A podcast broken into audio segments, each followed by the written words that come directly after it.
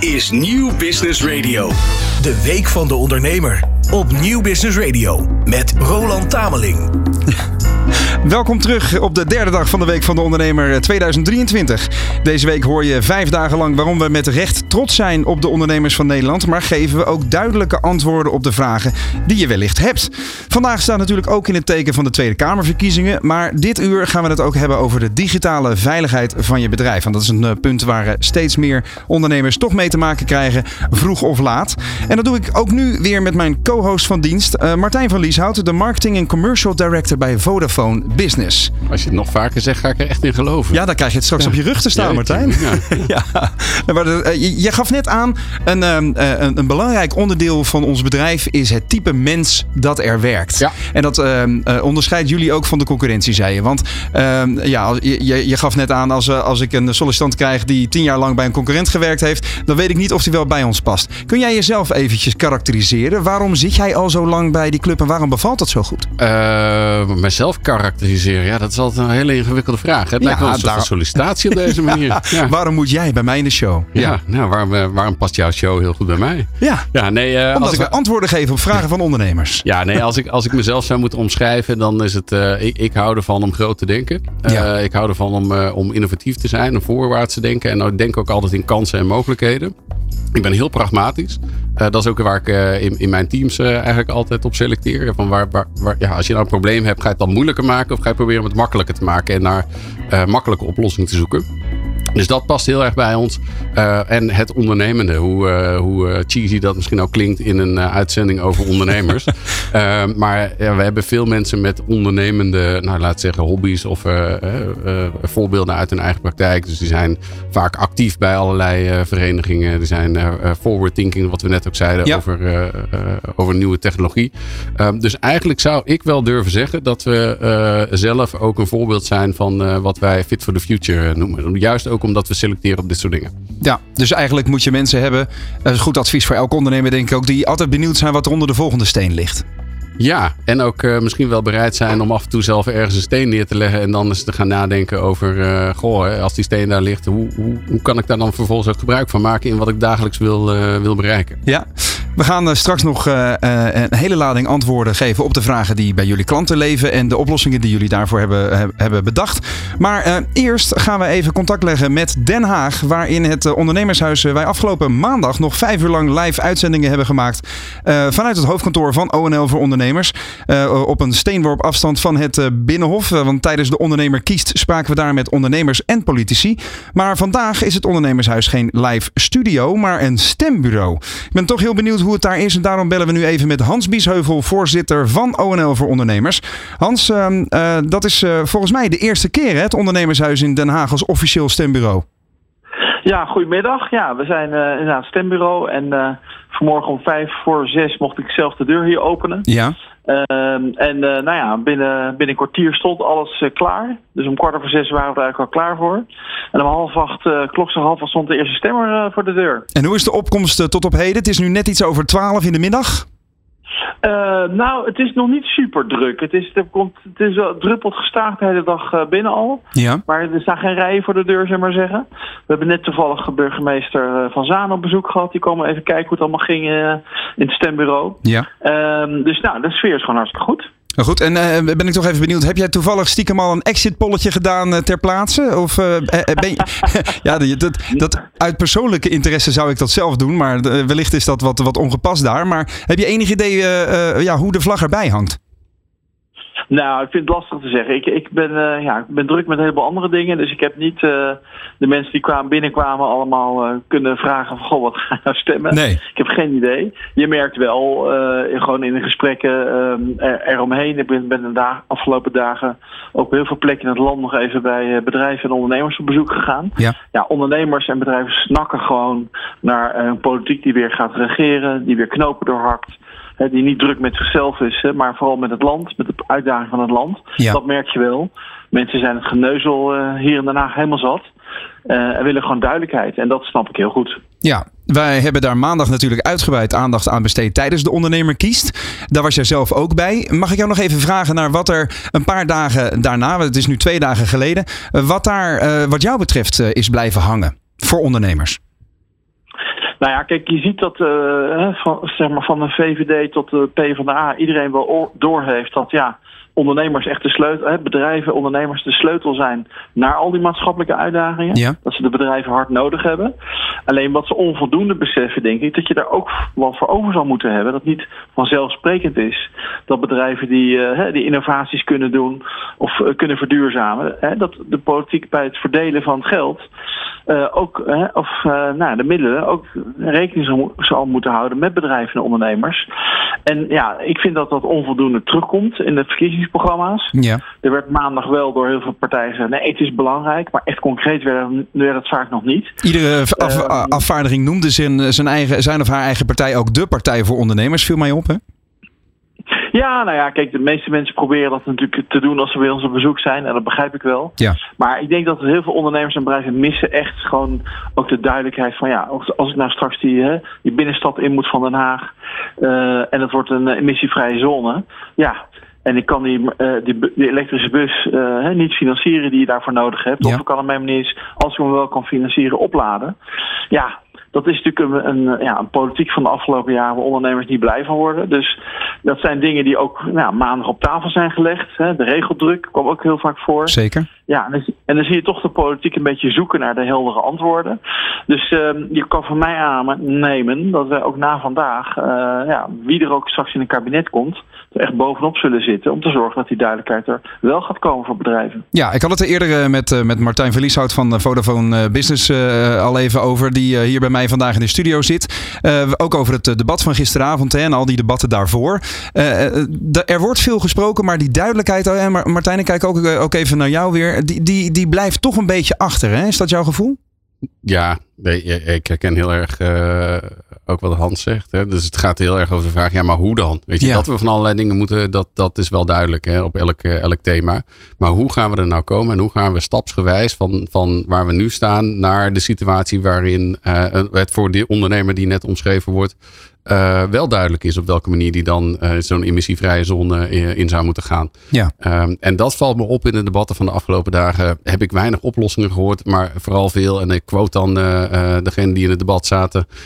mensen die elkaar de maat nemen. Ja, ja. Ik had die al heel lang niet gehoord trouwens. Ik vond het wel, uh, dat is een mooie oud-Hollandse zin. Uh, ja. Elkaar de maat nemen. Ja, maar uh, Hans Biesheuvel, als we even met jou terugblikken op het debat van gisteravond. Wat is jou daar nog opgevallen, zo op de val, valreep richting de verkiezingen?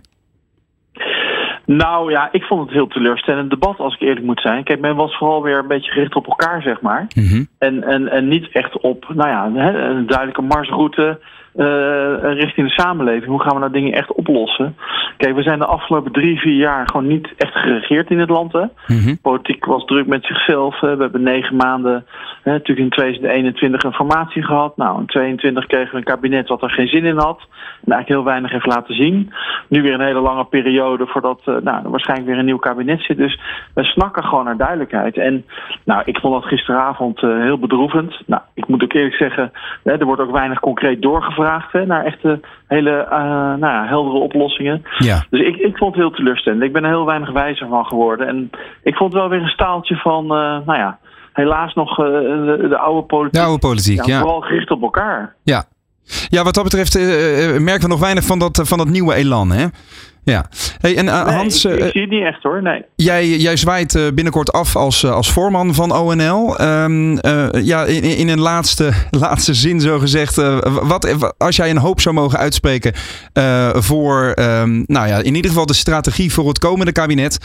wat zou dan jouw, ja, jouw stemadvies zijn vandaag? Of in ieder geval de hoop die jij, die jij koestert voor de uitkomst van deze verkiezingen? Nou, ik hoop op een, op een, op een stevig meerderheidskabinet. Hè? Dus uh, ik hoop dat er echt nu een coalitie komt met een hele stevige meerderheid in de Eerste en Tweede Kamer. Ja. Zodat er eindelijk weer in ieder geval geregeerd kan worden. Besluitvaardigheid. Gewoon besluiten nemen, knopen doorhakken en dan ook gaan waarmaken. Dat is waar dit land echt behoefte aan heeft. Ophouden met het geneuzel en het gepraat. Gewoon gaan doen. Ja, en dan heb je gewoon een meerderheidskabinet nodig, een hele stevige meerderheid. En daar hoop ik echt eh, voor heel Nederland op. Mooi. Dankjewel Hans Biesheuvel, voorzitter van ONL voor ondernemers eh, vanuit het eh, Ondernemershuis in Den Haag. Ik wens je nog een hoog opkomstpercentage en eh, een mooie dag daar. Dit is de Week van de Ondernemer met Roland Tameling. Opmerkelijk hoe, uh, uh, Martijn, hoe, hoe wij toch met z'n allen als ondernemers optimistisch blijven. Terwijl er weinig reden voor optimisme is als je dat ook zo hoort uit, uit Den Haag. Hè? Um, laten we eens even over die regeltjes gaan praten. Ik noem het de regeltjes, maar officieel dan de regeldruk. Hè? Ehm, toch allerlei zaken die op internationaal en nationaal niveau spelen. In hoeverre is dat iets waar jullie vanuit Vodafone Business rekening mee moeten houden? Ja, daar moeten we heel veel rekening mee houden. We zijn uh, heel zwaar gereguleerde industrie. Ja. Dus ook onze hele sector is, staat onder continu uh, het, het oog van, van de toezichthouders. Dus dat is, dat is belangrijk. Het is vitale infrastructuur. Dus het is ook belangrijk dat het blijft werken. Dat zag je onder andere ook bij corona. Ja. dus van, vanuit dat opzicht denk ik heel veel regels, maar ook, ook goed goed dat dat duidelijk gereguleerd is en dat de kwaliteit ook uh, enigszins gereguleerd is. En welke, welke regels doe je dan op? Uh, nou, je, je, hebt de regels over uh, een van de, nou, laten we zeggen, een van de ambities die er nu in, in dat digitaliseringsmemo staat, is ook op elke plek in Nederland moet minimaal een 100 megabit verbinding zijn. Noem maar mhm. even wat. Ehm, dat heeft natuurlijk een verplichting met zich. Dat brengt een verplichting met zich mee dat je op allerlei plekken ook moet zorgen dat je gaat graven waar dat misschien economisch niet altijd even rendabel is. Hè. Dus graven om een kabel naar, uh, naar een bepaalde plek te trekken of te zorgen dat er een, een zendmast komt om te zorgen dat je ook uh, op, op alle plekken uiteindelijk ook uh, verbinding kunt, kunt leveren. Mm -hmm. tegelijkertijd zorgde er dus wel weer voor, helemaal terug naar het begin van ons gesprek, dat er een, een goede basis ligt om te innoveren en om te gaan uh, innoveren op businessmodellen, om uh, te gaan digitaliseren, om je bedrijf beter te maken, om je klanten beter te kunnen helpen en om blijere medewerkers uiteindelijk ook te krijgen. Want dat zie je ook, dat medewerkers uiteindelijk dus tevredener zijn in ondernemingen waarbij ze de nieuwste technologie ook omarmen. Zeker jongere mensen natuurlijk. Maar uh, ja, dat, dat is meer dan 50% is dat inmiddels al het geval. Mm -hmm. En je gaf net al aan dat jullie uh, zelf bij Vodafone dat, uh, dat ook in de praktijk brengen. Hè? Zo, zoveel ja. mogelijk proberen te omarmen en, en te implementeren op een, op een goede manier. Als je het hebt over de landelijke regels, wat speelt er dan op, dat, op dit moment waar ondernemers mee, rekening mee moeten houden op het gebied van communicatie, op het gebied van cyberveiligheid, op het gebied van nou ja, de technologie die al dan niet ook ethisch inzetbaar is? Um, nou, dan overvraag je me een klein beetje, omdat ik niet van alle plannen helemaal op de hoogte, mm -hmm. hoogte ben. Wat ik wel zie, is dat natuurlijk rondom het, uh, op het, uh, het cyberveiligheidsgebied uh, natuurlijk steeds zwaardere eisen gesteld worden. Ja. En niet alleen maar door de overheid. je moet je denken aan, je moet veilig met je data omgaan. Je klantdata is beveiligd. De AVG is dat soort, dat soort regels. Ehm, maar dat je dus ook ziet dat er steeds meer uh, certificeringen eigenlijk in het leven worden geroepen. Die bepalen of dat je, die op jou als bedrijf geplakt kunnen worden aan de hand van hoe veilig je met al die data omgaat. Mm -hmm. uh, en dat zal steeds grotere waarde krijgen. want uiteindelijk is natuurlijk de, de, de data is de, de olie van de nieuwe economie, zeggen ze dan. Hè? Uh, de data die jij als klant aan een bedrijf ter beschikking stelt om, jou, uh, om jouw diensten te kunnen leveren, mm -hmm. uh, daar wil je steeds meer en steeds vaker controle over gaan krijgen. Dus daar moet je als bedrijf verantwoordelijk mee omgaan. Mm -hmm. en dat is denk ik de grootste regeldruk op dit moment waar, waar veel ondernemers tegenaan gaan lopen. is hoe doe je dat nou eigenlijk? Voor hele voorbeelden over vooral ondernemers die vooral een, uh, een bedrijf willen runnen en bezig willen zijn met hun ja. vak. Ja, gas geven. Ja. ja. dus dan wil ik niet nadenken over, over dit soort vraagstukken. En nee. je wil ook niet dat je dan met tien mensen moet gaan praten om dat uh, enigszins goed voor elkaar te krijgen. En wie gaat je dan helpen om, om te vertellen welke cloud er dan wel veilig is en welke niet? En welke, welke NIST-modellen je moet aanhouden om te bepalen welke stappen je moet zetten om je data beter te beveiligen. Mm -hmm. uh, tegelijkertijd, en dat vind ik dan dus wel weer heel interessant is, zie je dat uh, heel veel mensen zeggen dat ze het belangrijk vinden. Heel veel ondernemers zeggen dat ze belangrijk vinden wat de cybersecurity van hun bedrijf is. Uh, dat maar ongeveer een derde van de ondernemers daar al een plan voor heeft. Uh, dus wat gebeurt er nou als ik, als ik slachtoffer word van een, van een cyberaanval? En hoe zorg ik ervoor ja. dat ik dan ook een plan B heb?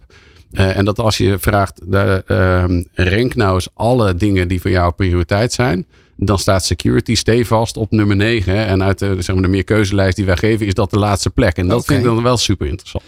Ja, want dat geeft dus ook kansen voor jullie. Want eh, eh, dat is waarschijnlijk dus iets wat onderschat wordt binnen eh, de ondernemingen. Uh, het wordt denk ik niet onderschat. De complexiteit wordt denk ik wel overschat. Dus uh, hè, als je er niet alles van weet, kun je best wel een eerste stap zetten om te zorgen dat, uh, dat dingen veiliger worden. Ja. En neem als voorbeeld in heel veel mobiele abonnementen die wij verkopen er zit standaard een licentie voor mobiele beveiliging in.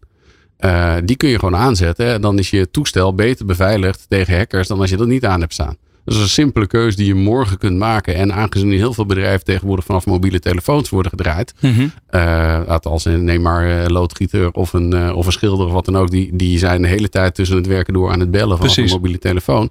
Daar gaat ook heel veel klantdata op. Dat zou je moeten willen beveiligen. Wil je niet een onderdeel worden van, uh, van, van bijvoorbeeld een hack. Mm -hmm. en die tools die zijn beschikbaar. Is niet heel moeilijk om dat te doen. En daar kun je morgen mee beginnen.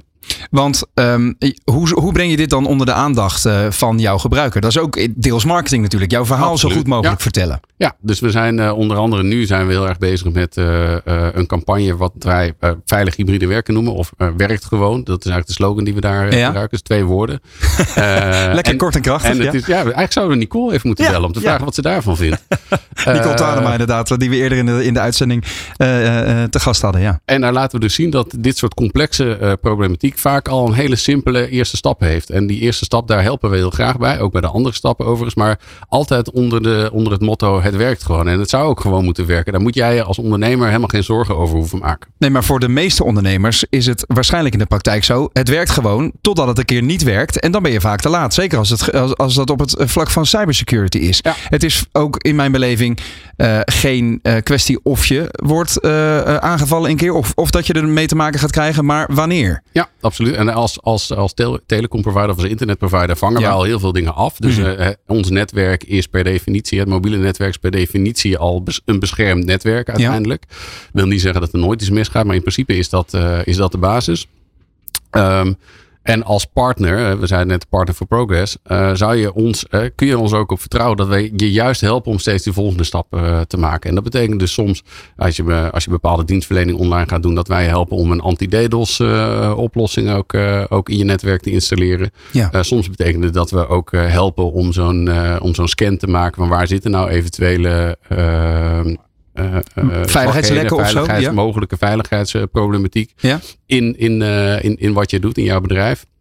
Uh, en daar ook helpen om daar de partners en de oplossingen bij te zoeken. Uiteindelijk om dat, uh, om, om dat ook te slim af te zijn. Kun je wellicht een voorbeeld geven uit de recente praktijk van een, van een klant die, die met zo'n uh, probleem bij jullie kwam en waar jullie een, een pasklare oplossing voor hebben aangedragen? Uh, nou, ik kan natuurlijk geen namen noemen. Nee, okay. dat, Dan dat anonimiseren is, we. Ja. Dat is helemaal dataproof. Nee, ja, nee, precies. Nee, de, de reden daarvoor is natuurlijk dat als we een naam noemen en zeggen... nou, tada, Jantje ja, is helemaal exact. veilig. Dat, dan, uh, dat is een soort van open uitnodiging aan uh, bedrijven om dat eens even te gaan testen. Mm -hmm. um, maar er was een grote retailer die uh, heel graag wilden. We hadden het over bijvoorbeeld, uh, die wilden een goede ervaring bieden aan, uh, aan hun klanten als ze in de winkels kwamen. en die klanten die hebben een hele specifieke situatie waar ze in zijn, waar ze heel graag heel veel over willen communiceren. En vaak wordt een man naar die winkel gestuurd en die wil dan met zijn vrouw afstemmen of de kleur goed is. Of ja. de, en dat is een, een, bepaald moment in je levenscyclus dat je daar heel veel mee bezig bent. En dat je als man zeg maar op pad gestuurd wordt door je vrouw. Mm -hmm. Um, en daar um, wilden ze met, naar één netwerk toe. Dus dat was voor simplicity uh, redenen. Hè. Je wil uiteindelijk niet allerlei dingen hoeven managen. Mm -hmm. Dat moest een heel gemanaged netwerk zijn. Maar dan moesten zowel de kassa's als de klantsystemen als ook de gast-internetverbinding op dat ene netwerk uh, uh, komen. Ja. Dus daar hebben we heel nauw samen met ze gewerkt om te kijken welke oplossingen er zijn om die twee weliswaar op één netwerk te activeren, maar toch gescheiden te houden om alle security uh, risico's zoveel mogelijk te beperken. En dat is gelukt. Dus daar hebben ze nu en de voordelen van een simpele uh, IT-omgeving. -hmm. En een betere klantervaring dankzij, uh, dankzij internetverbindingen in de winkel. Uh, waar je als, uh, als gast gebruik van kunt maken. En moet ik dan als leek het zo voor me zien dat jullie feitelijk een soort waaier van oplossingen klaar hebben. Mede door de, door de ervaring uit het verleden. Ja. Maar ook gewoon omdat je weet wat er speelt onder ondernemers. Ja, en wij kiezen de thema's waar we succesvol in willen zijn en waar we mee willen samenwerken, kiezen we wel uit. Maar de onderliggende oplossingen, daar, is, daar heb je soms gewoon meerdere smaken van, die specifiek op een bepaalde uh, ondernemerssituatie van toepassing kunnen zijn. Ja, en jullie zitten ook heel sterk op het thema co-creatie, hè? Uh, viel, viel me op. Maar daar gaan ja. we het straks even over hebben. De Week van de Ondernemer met Roland Tameling op Nieuw Business Radio.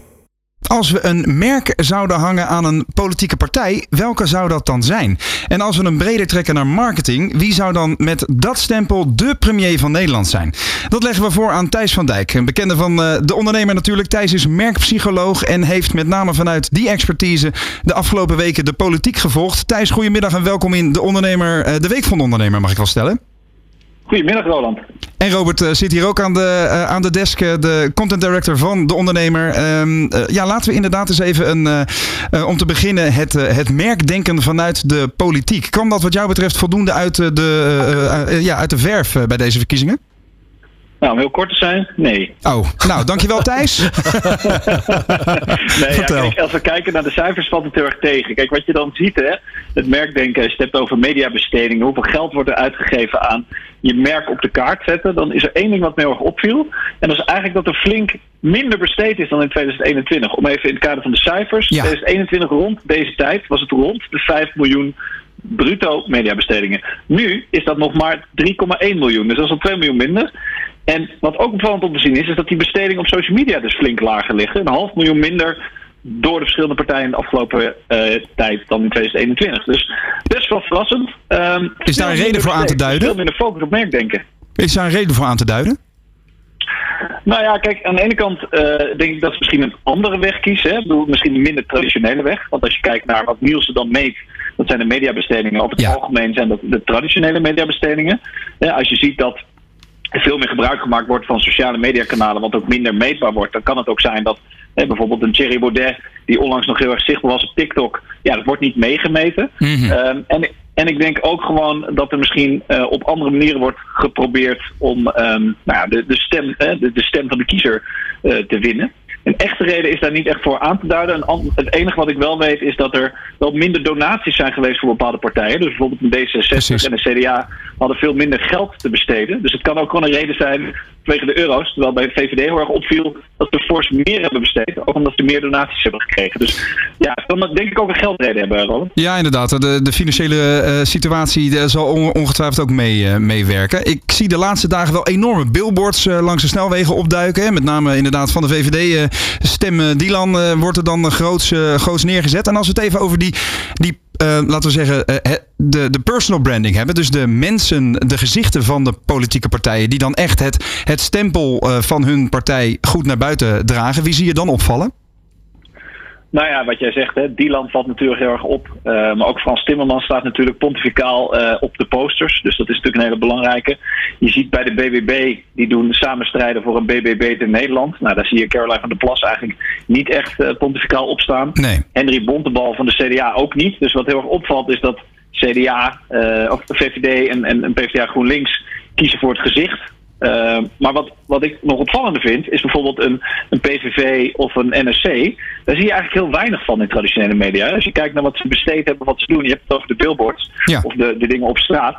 Je ziet hun eigenlijk niet terugkomen. Dus je ziet niet een, uh, een Pieter Omzicht of een, uh, nou, Geert Wilders langs de weg staan. Ze staan natuurlijk wel uh, groot bij de lijsttrekkersdebatten voorop. En ze zijn natuurlijk wel zichtbaar. Mm -hmm. Maar ze doen het op een andere manier dan de traditionele partijen als VVD en PvdA GroenLinks. Dus dat is wel, wel opvallend. Ja, en als ik zeg, ik denk dat Dylan wel het meeste opvalt. Ja, dat heeft ook te maken met het meeste geld. Ze besteden gewoon het meeste. Je ziet daar overal terugkomen op allerlei, op allerlei manieren. Ja, dat zien we ook uit uh, in het kader van donaties. Hè. NSC uh, accepteert veel minder hoge donaties dan andere partijen. Hey, laten we ja. uh, inderdaad even een aantal politieke partijen onder de loep nemen. En dan een top 3 samenstellen. Welke top 3 van sterke politieke merken hebben we het dan volgens jou in die top 3?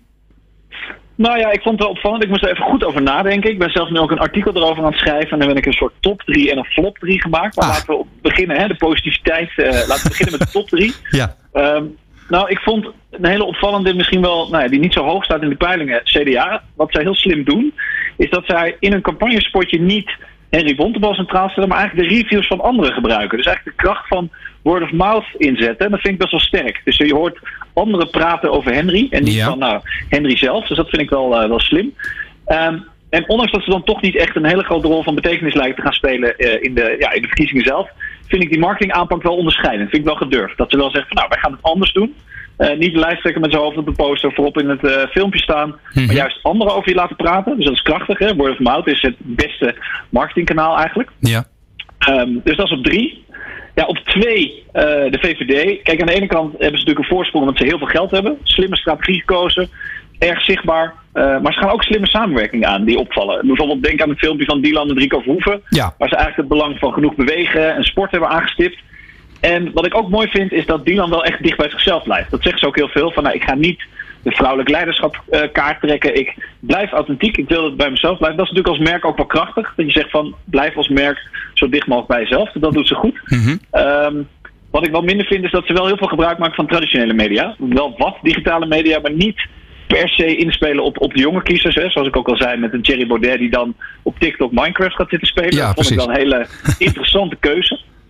Ehm, ja, en op één vind ik dat PVV eigenlijk het meest slim is. Want als je ziet dat ze weinig traditionele advertising inzetten, wel heel slim inspelen op het sentiment bij de doelgroep. Dus ze luisteren heel goed naar de doelgroep. Dat is wat marketing is. Hoe doen ze dat slim dan? Kun je dat even concreet maken? Je noemt het slim, maar wat doen ze dan? Nou ja, wat, wat, wat slim is, is dat ze natuurlijk heel erg inspelen op. Aan de ene kant eh, liften ze mee op de campagne van de VVD. Hè, dus de, de VVD maakt campagne voor het migratiebeleid. En daar gaat Geert Wilders dan heel slim eh, op in. Eh, hij luistert heel goed wat het sentiment is op dit moment in, bij de kiezer. Waardoor hij op, nou, een beetje geruisloos in de peilingen gegroeid is. Zonder dat hij keihard heeft moeten roepen van nou, wij van de PVV doen het zo. Hè, om maar eventjes een, een, een Olido voorbeeld aan te pakken. Ja. Dus van nou, Olido, het kan ook zo. Ehm, dus ja, en, en wat dat betreft eh, zijn ze ook wel weer een beetje flexibel in hun, markt, in hun campagne aanpak. Weet je, ze houden niet vast aan van, nou, dit is hoe we het aan het begin deden. Dus ze zijn daarin ook best wel agile in hun keuzes. En ehm, ja, maken toch wel impact op die manier. Dat vind ik wel knap. Weet je, als ze durven de dialoog ook aan te gaan, Mhm. luisteren naar de kiezers. Eh, ja, en het lijkt toch succes te gaan opleveren. En in, in een bepaalde vorm hebben ze ook wel een wat gematigder toon gekozen. Hè? Is dat, eh, denk jij, een hele, hele bewuste strategie om meer eh, ja, in, in, in een groter publiek weer in het oog te komen? Absoluut, absoluut. Ik denk dat Geert Wilders heeft ingezien dat zijn strategie van de afgelopen jaren niet gewerkt heeft. Dus dat hij daardoor nu een, ja, zijn tone of voice heeft aangepast. En dat is natuurlijk binnen branding of, of merkstrategie ook heel slim. Hij, hij praat veel meer normale mensentaal, is minder uitgesproken, is gewoon wat menselijker geworden. Hè? Ja. Geert Wilders is echt wat menselijker geworden, waardoor mensen denken, oh, ik vind hem eigenlijk wel sympathiek. Nou, hij is natuurlijk ook altijd een slimme man geweest, een goede, eh, goed in de debatten. Zeker. Hij is Ja. echt, ja, ik vind het echt een merkambassadeur. Dus wat dat betreft heeft hij heel slim ingespeeld van hé, wat heeft niet gewerkt, dat gaan we niet nog een keer doen. We gaan het anders proberen te doen. En, en dat, ja, dat lijkt hem toch eh, succes te gaan brengen. Duidelijk. En jij eh, hint al even op een flop 3. Die willen we natuurlijk ook even horen, Thijs. ja, de flop 3. ja, goed, dat is natuurlijk altijd lastig. Maar kijk, als ik heel eerlijk ben, er zijn natuurlijk een paar partijen ehm, ja, die, die in mijn optiek wel echt kansen hebben laten liggen. Laten we even beginnen met Pieter Omzicht. Ik, bedoel, ik ben, eh, ben fan van de man hoe die diep in de materie zit en hoe die in de inhoud zit. Maar als je dan kijkt naar merkdenken of marketingstrategie, ja, dan heeft hij daar toch heel weinig kaas van gegeven. Want als je hem, als je ziet wat er mogelijkheden waren met zijn partij en ook door continu maar weer te twijfelen en continu weer te zeggen ja wel, ja toch niet. Ja, dat werkt niet. Er was geen uitgesproken mening, geen uitgesproken merkboodschap. Dus NSC, ja, die staat bij mij wel echt ja, laag. Daar hadden ze echt veel meer uit kunnen halen. Met, met, met de kansen die er waren, hebben ze niet gepakt. Duidelijk. Wie doet het Eh, iets beter? Wat zeg je? Wie doet het iets beter, nummer 2? Nou, nummer twee, ja, kijk, BB Beter. Hè, die doen het dan iets BB Beter. Kijk, eh, Ja. Caroline van der Plas, eh, ze hebben natuurlijk heel lang het momentum gehad. Maar ook dat vind ik wel een hele simpele. Ja, dat je denkt van de simpele keuze van BBB en dan maken we daar beter van. Dan denk ik echt van ja, welke campagnestratege heeft daar op gezeten? Dat was de Eh, eerste, het, het eerste idee in de vergadering, zou je kunnen zeggen. Ja. Ja, dat je echt denkt, nou, we maken een woordgrap met drie B's. Ja, dat, dat, dat is natuurlijk ook niet heel sterk. En je ziet dat ook dat dat echt weinig effect heeft. Ehm, dus wat dat betreft staat die voor mij ja, met recht op twee. Mhm. Maar dan? Ja, en, ja, verrassende, de, de, de flop 1. Ja, kijk, eh, de, de, op flop 1.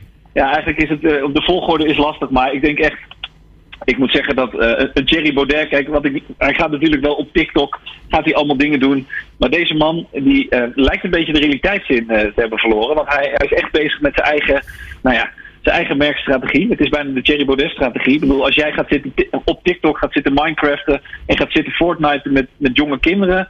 Ja, dan spreek je toch echt niet de taal van je kiezer. Ja, misschien de, de taal van de kiezer van de, van de toekomst.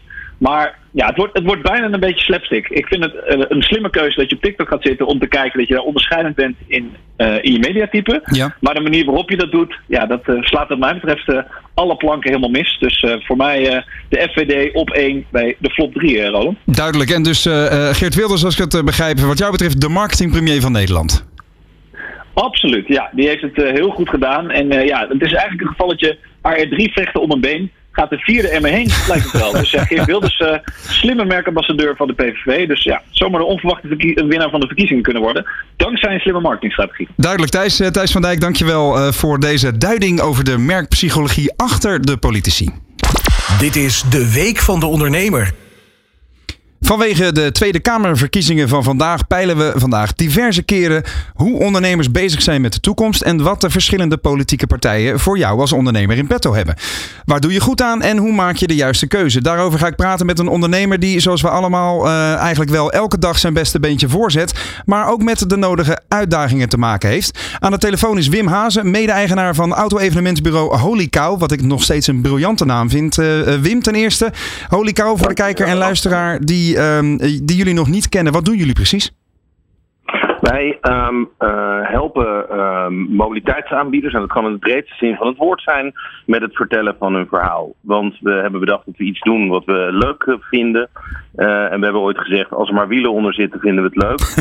um, uh, zodoende kunnen wij, zoals gisteren, Skoda helpen met het introduceren van een nieuwe Kodiak. Kunnen we een, een Chinees merk helpen om op de markt te komen. Maar kunnen we ook um, met een vrachtwagen met lampjes rondrijden voor MAN. Um, om Poolse vrachtwagenchauffeurs een reep chocola aan te bieden op parkeerplaatsen. En zodoende de eenzaamheid daarin tegen te gaan. Maar die hadden jullie vorig, vorig jaar in de uitzending. Die hebben we inderdaad in de onderneming onderweg gehad. Ja, mooi, mooi dat, je dat, dat je dat nog even ter berde brengt. En als we kijken naar jouw werk als ondernemer, wat zijn dan voor jou de grootste uitdagingen? Um, wat ik spannend vind op dit moment is dat ik het lastig vind om het beleid te onderscheiden.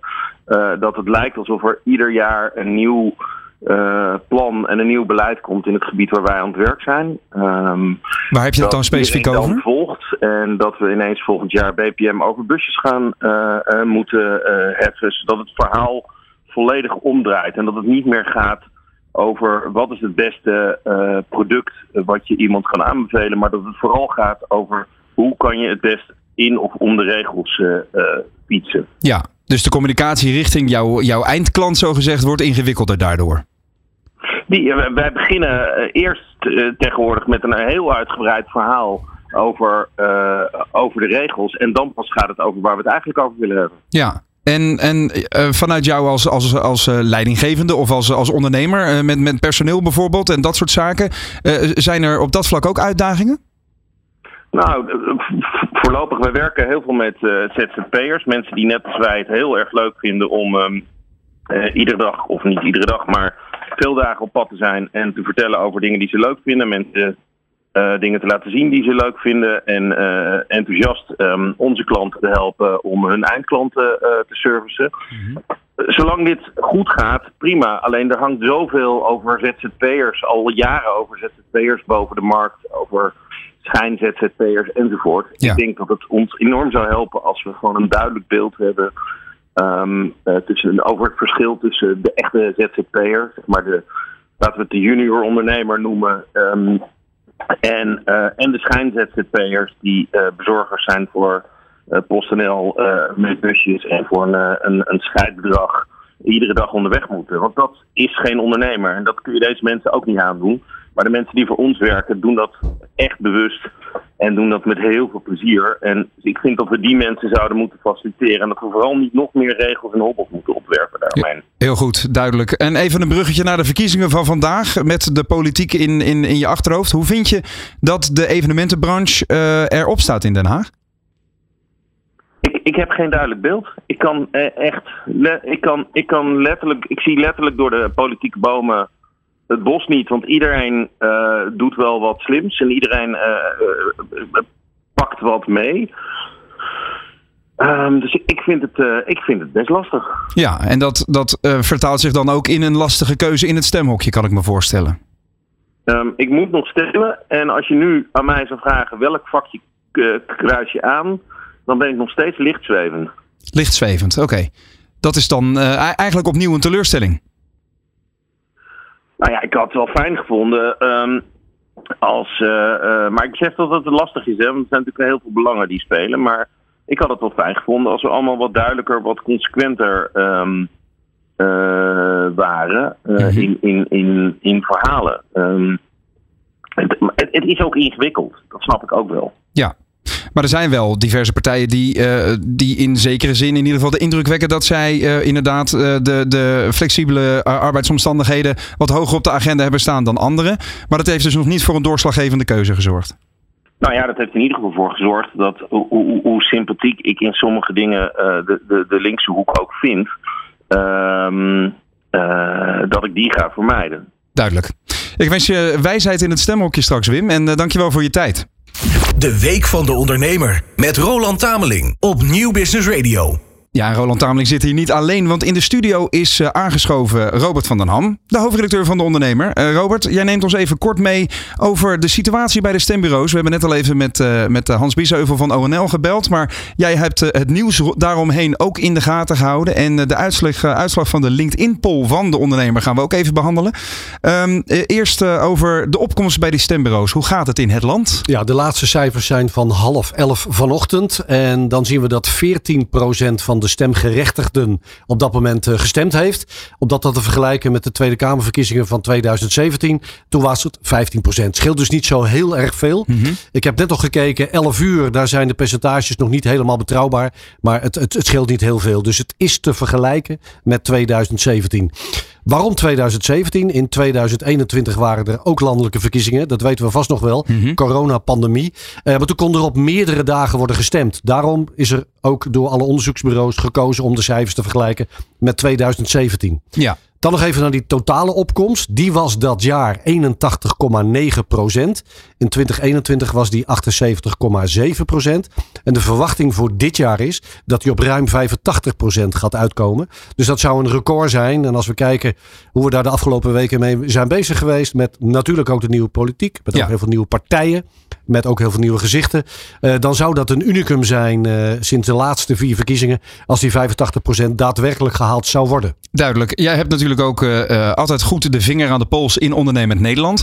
Merk jij nu, naar aanleiding van het, uh, van het debat van gisteravond, hè, dat slotdebat, waar we nu al diverse mensen over, over hebben gehoord, dat er toch niet nog een doorslaggevende klank is gekomen in de richting van ondernemers. merk jij een andere tendens sinds gisteravond of niet? Nou ja, we horen het Wim Haas eigenlijk net zeggen. En dat verraste ons ook wel in de gesprekken de afgelopen twee weken die wij met ondernemers hebben gehad. we hadden natuurlijk afgelopen maandag in Den Haag in onze ondernemer kiest uitzending meerdere ondernemers ook over de vloer.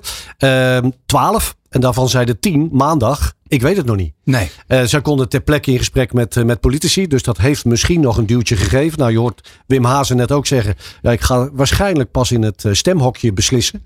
Nou, als je dat dan vertaalt naar de poll die wij hebben gedraaid de afgelopen ja. week. Dan zie je dat uiteindelijk, en hij draaide tot gisteravond middernacht. 67% van de ondernemers aangeeft. Ik weet op wie ik ga stemmen. Ja, we hebben gevraagd of zij nog zweven of niet, hè? Klopt, ja. ja dat is minder dan drie kwart. Ja. Is dat veel? Is dat weinig? Als je dat weer vergelijkt met de andere percentages, dan zie je dat het vooral de laatste dagen bij onze LinkedIn-poll dus wel degelijk is, uh, is toegenomen. Mhm. Uh, en wij hoopten eigenlijk dat het debat van gisteravond daar misschien aan bijgedragen zou kunnen hebben. Uh, nou, we hebben allemaal heel goed gekeken en geluisterd, maar die drie letters heb ik niet voorbij horen komen. De M, K en de B. Precies, precies. Nee. Sowieso ging het ook niet over allerlei andere belangrijke grote onderwerpen. Ik noem zorg en onderwijs. Ja. Kwam niet aan bod. MKB, ondernemerschap, kwam nauwelijks aan bod. En nogmaals, het MKB is in het geheel niet benoemd. We zagen in de LinkedIn-poll ook tijdens dat debat en ook daarna dus eigenlijk helemaal niets meer gebeuren. Nee. Uh, 67% is dan ook het uh, eindresultaat van de LinkedIn-poll. 67% van de ondernemers weet op wie ze gaan stemmen. Ja, ik weet niet, uh, Martijn, of jij dat. Jij, jij, wilde er ook iets over zeggen? Ja, nee, ik, wilde, ik wilde iets vragen ook. Een, ja. Meer een duidingsvraag. Um, er zijn in Nederland best wel ondernemers. Hè? Zoals je, als je CBS pakt, dan ergens rond de 2 miljoen mensen die bezig zijn met, met ondernemen. Dat is een aanzienlijk grote groep. Wat zou nou de reden kunnen zijn dat er niet een hele duidelijke partij is die uh, ondernemers als, uh, als, als, als doelgroep hebben? Ja, ja er zijn 465.000 MKB-bedrijven. Mhm. Nou, daar werken een heleboel mensen. Je ja. hebt daarnaast nog, we hebben het over MKB, maar kijk naar ZZP. Dat zijn er 1,2 miljoen. Dat is alweer een doelgroep op zich. Er is geen enkele partij die alleen al ZZP heeft uh, geclaimd. Wij hoorden afgelopen maandag acht keer, we hadden acht lijsttrekkers ja. slash politici. Wij zijn de ondernemerspartij. Mm -hmm. Dit kunnen we allemaal achter elkaar zetten en iedereen claimt die ondernemerspartij te zijn. Als je dan praat met Jacco Vonhof, met Hans Biesheuvel, met Jan Meerman, met iedereen van een brancheorganisatie die uh, bepaalde branches in Den Haag uh, uh, nou ja, eigenlijk vertegenwoordigt, is dat het maar moeilijk is, en ook de afgelopen twee jaar weer, om dat MKB en welke branche dan ook op de kaart te krijgen. Er is alles aan gedaan, er is veel bereikt. maar er is geen enkele partij die nu het stempel MKB op zijn voorhoofd kan plakken. Nee. Los van het feit dat, het, dat de VVD de naam heeft. Nee, precies. Maar je ziet dus allerlei splinterpartijen die zeggen ergens voor op te komen. Hè. Dat, dat kan heel uiteenlopend zijn. Maar er is dus nog niemand die zegt, oh, misschien voelen wij ons als ondernemers niet thuis bij de bestaande partijen. Laten we nou eens een partij specifiek oprichten die zich volledig gaat inzetten om het voor de ondernemers zo makkelijk mogelijk te maken. Nou ja, het, tegendeel is gebeurd, eh, Martijn. Als je kijkt naar de, de belangrijkste thema's die ook terugkeren in de vragen die wij ook krijgen van ondernemers, maar ook in de interviews die we hebben gedaan, dan gaat het over regeldruk. Mhm. Dat is eigenlijk de afgelopen vier jaar, wat zeg ik, de afgelopen twaalf jaar alleen maar toegenomen. De regeldruk voor ondernemers. En of het nou gaat over duurzaamheid gaat, of ook over langdurig ziekteverzuim. Uh, nou ja, ik maak even dit gebaar met mijn handen voor uh, degene die niet kijken. De stapel wordt steeds, uh, steeds groter. De regeldruk is enorm toegenomen. Maar ook de extra verhoging van het wettelijk minimumloon hakte vooral bij horeca en retail enorm in. Mhm. Eh, en dat is, dat, is niet, dat is niet eens meer een discussie. Dat is nog even snel, een paar weken geleden, via moties en een wetvoorstel, met name in de Tweede Kamer besloten. Dus uh, ik kan me voorstellen dat de Wim Hazes van deze wereld, ja, misschien tot het laatste moment wel gaan wachten in de wetenschap dat er eigenlijk van links tot rechts voor die extra verhoging van het wettelijk minimumloon is gekozen. De een zegt we gaan naar 16, de, achter, de ander naar 18 euro. Uh, Pieter Omtzigt zegt bijvoorbeeld ik ga het maar met een bepaald percentage verhogen, maar dat het verhoogd gaat worden een extra keer, dat mhm. staat eigenlijk wel vast. Ja, maar het is zo atypisch. Hè? Als je aan de ene kant zeggen we ondernemers, eh, mensen die dingen beetpakken, die zelf hun eigen uh, lot creëren, zou je kunnen zeggen. Uh, maar dat dit dan eigenlijk gewoon een soort van zijdelings blijft, blijft liggen. En dat daar eigenlijk niemand op staat en zegt van nou ja, misschien is politiek wel, zit wel enorm in mijn allergie. Maar ik voel wel dat ik, eh, dat ik een belang heb te vertegenwoordigen namens alle ondernemers. Ik ga naar Den Haag en ik ga de Partij voor de Ondernemers oprichten. Dus ik was benieuwd of je daar een visie op hebt. Ja, ja Roland? Nou, het, het interessante wat mij de afgelopen dagen is opgevallen... is dat veel ondernemers uh, niet alleen om het D-woord vragen, duidelijkheid... maar vooral ook om samenwerking. En dat ontbreekt volledig. Zeg maar wat jij, wat, jij, eh, wat we straks nog, ook nog even gaan bespreken over Vodafone Business... dat jullie juist op die co-creatie inzetten. Het, het luisterende oor bij degene waar je het voor doet. Uh, goed luisteren en dan uiteindelijk aan de hand van wat er beschikbaar is, de juiste oplossingen aandragen. En die hele co-creatie tussen uh, kiezer en politiek, die zie je niet, maar aan alle kanten is dat gewenst. Heel veel mensen die wij hebben gesproken in de show, uh, die, die ondernemers zijn, die zeggen: jongens, uh, wij willen in zekere zin die ombudspolitiek. Hè, in Den Haag is het ook een beetje een dubbele, dubbele klank, heeft dat. Maar dat samenwerken met ondernemers en die partijen, ja, ik zie dat niet gebeuren. En dat vind ik verbazingwekkend. Nou ja, het, het is niet alleen samenwerken, want dat is eigenlijk al de volgende stap. Het begint met vertrouwen vertrouwen in de politiek en daarna weer samenwerken. En Martijn, wat is er nou de afgelopen week gebeurd? Twee wetsvoorstellen van minister van Gennep zijn afgeschoten, en dat is nog een understatement, door de toetsingscommissie Regeldruk. Een wetsvoorstel uh, rondom loonbetaling bij ziekte van twee naar één jaar. En een ZZP-wetsvoorstel. In de breedste zin van het woord besproken. Ook door allerlei branche- en belangenorganisaties. Eigenlijk gezegd, minister van Gennep, dit klopt niet. Het is niet wat we willen. Nog los van het feit dat het niet uit te voeren is toch willen invoeren. En tot twee keer toe door de toetsingscommissie regeldruk die hierover gaat, letterlijk afgekeurd. Dat doet iets met vertrouwen in de politiek.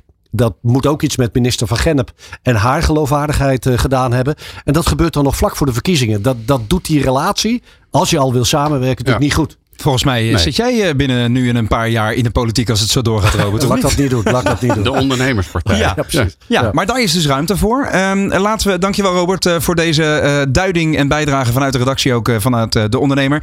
Um, Martijn, eh, de tijd begint te dringen. Dus ik ga graag nog even met jou door over dat hele aspect van co-creatie uh, richting, uh, of eigenlijk vanuit Vodafone Business. Um, want jullie doen dat heel bewust. Kun je even jullie strategie uitleggen op dat vlak?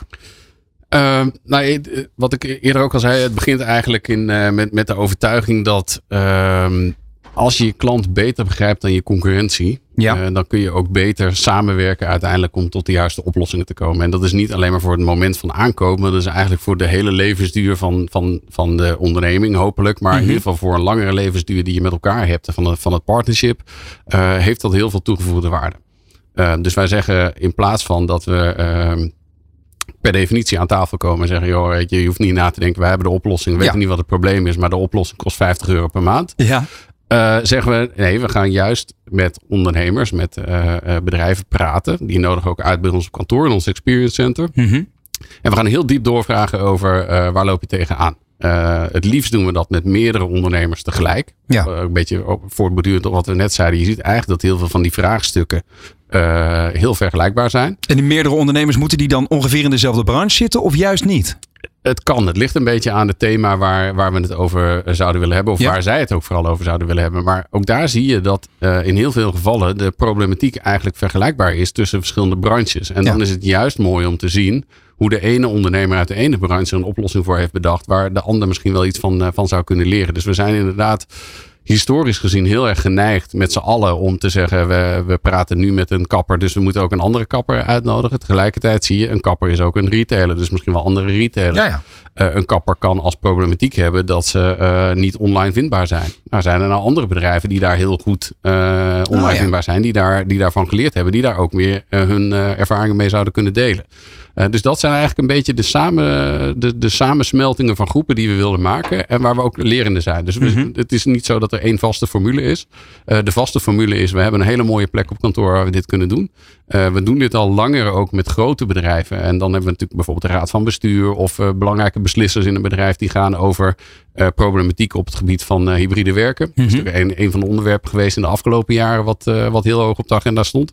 Um, en dan merk je dat uh, de HR-baas komt, de facility manager komt, uh, de CEO komt vaak. Dus echt wel raad van bestuur uh, van, van bedrijven die daar, die daar vooral met elkaar over in gesprek gaan. Ja, dat dus die ook op strategisch vlak donders goed weten wat er aan de hand is. Ja, en zelfs binnen een bedrijf zie je dan dat het feit dat wij ze uitnodigen bij ons op kantoor om dat gesprek met elkaar te hebben, dat ja. dat weer tot nieuwe inzichten leidt, dat mensen elkaar ook beter gaan begrijpen. En ook goed, goed samen een oplossing kunnen bedenken voor iets als ehm, voor hybride werken heb je ook nieuwe apparatuur nodig. Ja. En je kan natuurlijk zeggen als, uh, als HR-verantwoordelijk, ja, dat is mijn pakje aan niet.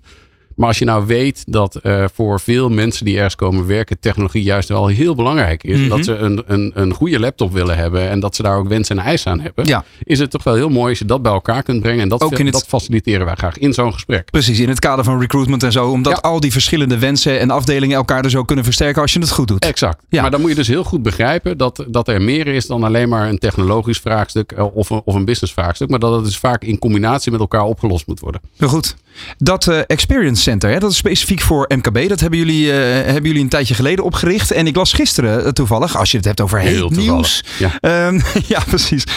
dat, het, dat die pilot ehm, smaakt naar meer. Dus jullie gaan dat voortzetten. Um, om eerst eens even duidelijkheid te geven. wat houdt die pilot wat jou betreft precies in? Nou ja, één, één stap terug. Hè. Dus het geeft wat mij betreft ook heel goed weer dat we, uh, dat, dat we dingen proberen en dat we ondernemend zijn in dat opzicht. Ook op het gebied van hoe we met, uh, met, met klanten dat gesprek willen hebben. Ja. Uh, het MKB-team heeft gezien dat het Experience Center wat we hebben opgericht en met, wat met name gericht was op grote klanten, dat dat heel goed werkt. Juist om dit soort gesprekken met elkaar te trekken. En die hebben gezegd van nou kunnen we niet ook kleinere ondernemingen hier uitnodigen en ze vooral ook met elkaar dat gesprek laten, laten voeren? Want ja. misschien hebben ze geen IT-manager, dus dan is het de raad van bestuurders is dan één persoon. Dat is ook en kleiner is dan rondom 50 man of zo? Ja, alles tussen, tussen nou, laten we zeggen 10 en 100. Ja. Uh, maar, maar in principe ook groter en ook kleiner. Alleen moet je dan dus heel goed kijken naar wat is, de, wat is het plan van aanpak dat je daar gaat hanteren. We zijn nu echt bezig met de workshops voor, uh, voor deze doelgroep tussen ja. ongeveer 10 en 100.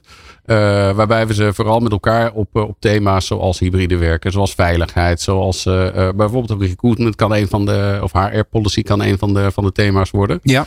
innovatie is een van die thema's die, die vaak terugkomen. IoT, AI, hè? En dat zijn dan de oplossingen die daaruit voort zouden kunnen komen. Ik vind het altijd een mooi voorbeeld. Uh, als je het hebt met, uh, met een klant of met een ondernemer over uh, wat is je bedrijfsproblematiek. Dan kan het best wel zijn dat de oplossing voor een betere toegankelijkheid van het, van het magazijn niet een hele fancy IoT oplossing is. Maar een grote rode knop waar die op drukt op het moment dat er iemand de, de, deur open wil hebben. Mm -hmm. ja, dus je bent heel snel geneigd, zeker ook in een technologiebedrijf zoals bij ons, om de oplossing al uit te tekenen. Terwijl je eigenlijk nog niet precies weet wat het probleem is. En dat is waar deze sessies met elkaar, uh, ja, waar, waar je echt met elkaar op zoek gaat. Wat is nou de problematiek? Ja. Wat zijn de uitdagingen? Wat zijn de kansen? Hè? Dus dat weer, ligt weer heel dicht aan tegen wie wij willen zijn en, en, en uh, uh, het Partner for Progress gedachtegoed. Mm -hmm. waar kun je nou vooruitgang op boeken in deze digitale wereld en hoe kunnen we elkaar daarin helpen? Ik lees dat uh, de pilot uh, voor die MKB'ers die hebben meegedaan een schat aan inzichten heeft opgeleverd. Vind ik, uh, vind ik heel mooi. stel, ik wil bij jullie mezelf aanmelden als MKB'er, als ondernemer, om samen met jullie niet alleen mijn eigen situatie digitaal of fysiek te verbeteren, maar ook die van mijn conculega's. Hoe, hoe kom ik dan met jullie in contact? Er zijn heel veel mogelijkheden voor. Dat is het mooie van, uh, van een groot bedrijf. maar ik denk uh, het beste start het op VHub, onze website. Vodafone.com slash zakelijk slash inspiratie zeg ik uit mijn hoofd. Oké, okay. uh, dus, schrijf je mee. Daar zijn denk ik, de, de, daar kun je in ieder geval formulier vinden waar je jezelf zou kunnen aanmelden. Veel mensen, veel bedrijven hebben ook een eigen aanspreekpunt. Een accountmanager, een business partner. Dus die, die kunnen ook allemaal helpen. Ja. die zijn hiervan op de hoogte. Um, en ik zou zeggen, ja, je bent van harte welkom. Het lijkt me alleen maar goed dat we daar nog veel meer met elkaar over in gesprek gaan. Dat het zelfs voor de grootste autoliefhebber van Nederland uh, zou daar wel iets uithalen. Kijk, heel goed. Daar gaan we contact over houden. Uh, we gaan even voor de laatste keer vandaag schakelen met een ondernemer uit het veld. Want het is vandaag de dag van de uh, Tweede Kamerverkiezingen. En dat is dus reden genoeg om de stemming te peilen bij ondernemers door het hele land heen. Wat gaat er goed? Wat moet er beter? En hoe voelen zij zich gehoord door de politiek? En we gaan nu schakelen met een een starter. Uh, Justin van den Berg van Just Fish, een viswinkel in de Lier. Uh, Justin, jij bent nog niet zo lang geleden uh, begonnen met jouw bedrijf. goedemiddag en welkom in de show. Goedemiddag. Goedemiddag. Hoe gaat het in de winkel? Ja, goed. We zitten lekker vol vandaag, dus dat is goed. Daar hou ik van. Heb je een stembureau geopend tussen de vissen? nee, dat helaas niet. Dat helaas niet. Oké, okay, maar... van mij is ook goed. En ik ook bij de stembureau ook. Heel goed. Hoe lang geleden ben jij begonnen met je bedrijf? wij zijn 18 april begonnen. Dus een kleine acht maanden. Dus uh, ja, vliegende start gemaakt en nu uh, begint het ondernemen. Ja, en waar loop je uh, tegenaan als jonge ondernemer? Nou, je merkt gewoon vooral dat, dat als jonge ondernemer zijn dat het heel moeilijk is om een naam op te bouwen. En prijstechnisch is het natuurlijk in de visbranche heel moeilijk om te concurreren met, met de grotere ketens. vis is alleen maar duurder geworden de afgelopen jaren en dat komt door de vangst. Ja. en de schaarsheid, maar ook de vangsteisen die worden gesteld door de EU, onder andere. Mm en dat, uh, ja, dat merk je zeker weten. Dus je moet altijd spelen op je, op je kwaliteit. Uh, en dat, uh, dat moet het beste zijn wat er is. Nou heb jij meteen een mooi brugje geslagen daarmee naar de regeldruk. Hè? Wat de ondernemers zien we deze week enorm bezighoudt. En, en ook richting de politiek is dat een, een punt waar veel ondernemers aandacht voor willen. Heb jij het, ge het gevoel ehm, dat jij als ondernemer goed gehoord wordt in Politiek Den Haag? Uh, nou, niet altijd. En daarom heb ik ook uh, gestemd op de, de, Partij voor de Vis, noem ik dat. Ah. ja. Dus dat is de PVV. Ja. Uh, en dat gaat dan vooral over de, de 9% BTW naar 0% BTW. Zeker op dit soort artikelen, wat gewoon heel gezond kan zijn. Mm -hmm. En ik zeg zeker niet dat je elke dag vis hoeft te eten, maar laat wel, doe het wel één keer in de week. Of twee keer in de week een goed stukje vis. Dat dus dat is heel belangrijk en dat is mijn keuze geweest onder andere om naar de PVV te stappen. Ja. Dat is notabene voor mij het eerst, want ik zat vroeger altijd op de VVD. Mm maar ja, dat is zeker de, de, kracht, de krachtkoop die zij willen hanteren nu. Dat vind ik een uh, vooruitstrevend uh, idee. Zou je dan ook kunnen zeggen dat jij voor het eerst echt als ondernemer hebt gestemd? Of uh, is het nu vooral door zo'n ja, toch wel detail in een verkiezingsprogramma dat het de doorslag heeft gegeven? nee, nee, nee. Het is zeker beter uit, ook uit de ondernemersgedachte. Ik vind, ja, daarnaast vind ik de koopkracht het moet gewoon heel belangrijk zijn en het moet zeker groeien. Ja. En er zijn de energiebelastingen nou, onder andere ook een uh, heel belangrijk item voor. Ja, en, en uh, zaken als inflatie natuurlijk. We, we hebben het over de extra verhoging van het wettelijk minimumloon. Heb jij al mensen in dienst of niet? Wat zei u? Heb jij al mensen in dienst? Ja, zeker. Ja, ja we hebben negen mensen op de loonlijst staan nu. Oké, ja. en, en hoe, hoe, kijk je dan aan tegen dat, uh, die, die uh, verhogingen van het wettelijk minimumloon? Nou ja, ik zit sowieso al zelf boven het minimumloon. Ja. Uh, ik vind minimumloon één ding, dat vind ik heel belangrijk, maar ik vind als ondernemer zijn ook de vrije tijd heel belangrijk. Dus wij hebben doelbewust ook gekozen voor een vier dagen werkweek, okay. zodat uh, het personeel drie dagen weekend heeft. Uh, dat vind ik ook heel belangrijk. En daarnaast moet je ook kijken als ondernemer zijn. geld is belangrijk, maar zorg ook voor de vrije tijd voor je collega's. Ja, dat is een, uh, een, originele insteek. En dat is ook een van de manieren dan om, om goed personeel binnen te houden, kan ik me voorstellen. Zeker weten. Dat is ook een van de redenen waarom, ja, samen met Edwin heet hier. En, uh, die heeft jaren gewerkt bij een hele bekende uh, visrestaurant. Ja. Ja, en die staat hier nu met passie zijn vak uit te oefenen. En dan is hij lekker op zondag, maandag, dinsdag vrij. Dus dan heb je drie dagen weekend.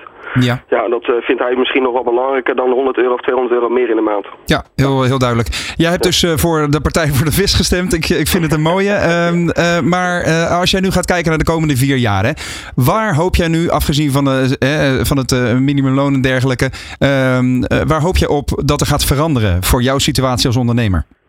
Nou, ik, ik, hoop heel erg dat de visvangst uh, minder eisen krijgt vanuit de EU. Dat we, want wij zijn als Nederlanders gewoon hele goede vissers. En we hebben ooit het mooie impulsvissen uitgevonden. Mhm. Eh, dat moest weer helemaal teruggedraaid worden door de... Ja, en dat, dat is natuurlijk eigenlijk zo zonde, want het heeft de visserij miljoenen gekost om dat weer naar uh, sleepnetten terug te krijgen. Ja. En dat impulsvissen is zo uh, specifiek doelgericht op een bepaald visje. Uh, en met de sleepvangst die ze nu wil hanteren, krijg je ook heel veel bijvangst. Dus vangst wat eigenlijk niet naar boven gehaald hoeft te worden. Dus daar zal ik wel verandering willen zien. En daarnaast zal ik een verandering willen zien in de BTW. Dat zijn wel voor mij belangrijke punten. Duidelijk. We gaan uh, zien wat het de komende jaren gaat doen, uh, Justin. Uh, succes met Just Fish en wellicht tot ziens binnenkort tussen de schubben. Dit is de Week van de Ondernemer met Roland Tameling. Ja, en zo zijn we aan het einde gekomen van uh, twee uur lang. Oh, nu al? ja, gaat hard hè? Ja. Uh, de vierde dag van de Week van de Ondernemer 2000. Uh, nee, dat, dat wordt morgen, de dag, dag nummer vier van de Week van de Ondernemer 2023. Heb je nog een, een laatste inspirerende mededeling voor de luisteraar en kijker, Martijn? Ah, eet meer vis, zou ik zeggen. Dat lijkt me in ieder geval al een heel belangrijk stemadvies voor vandaag. Heel goed, heel goed. dankjewel, Martijn Verlieshout, Marketing en Commercial Director bij Vodafone Ziggo. Um, morgen gaan we inderdaad uitgebreid in op de zakelijke mobiliteit. Uh, buiten dat we gaan terugkijken op de verkiezingen. Uh, hoe hou je jouw bedrijf, je medewerkers en jezelf zo goed mogelijk op weg? In gesprek met onder meer Huip de Vries van Volkswagen Nederland, Huub Dubbelman van de Rijvereniging en Dirk Aldenzee van Boon Edam. Dat er meer hoor en zie je dan. Ondertussen kun je deze uitzending uiteraard terugkijken via deondernemer.nl en ons YouTube kanaal. Of terug luisteren via je favoriete podcastkanalen. Dankjewel voor het kijken en of luisteren en graag tot de volgende. Dit is de Week van de Ondernemer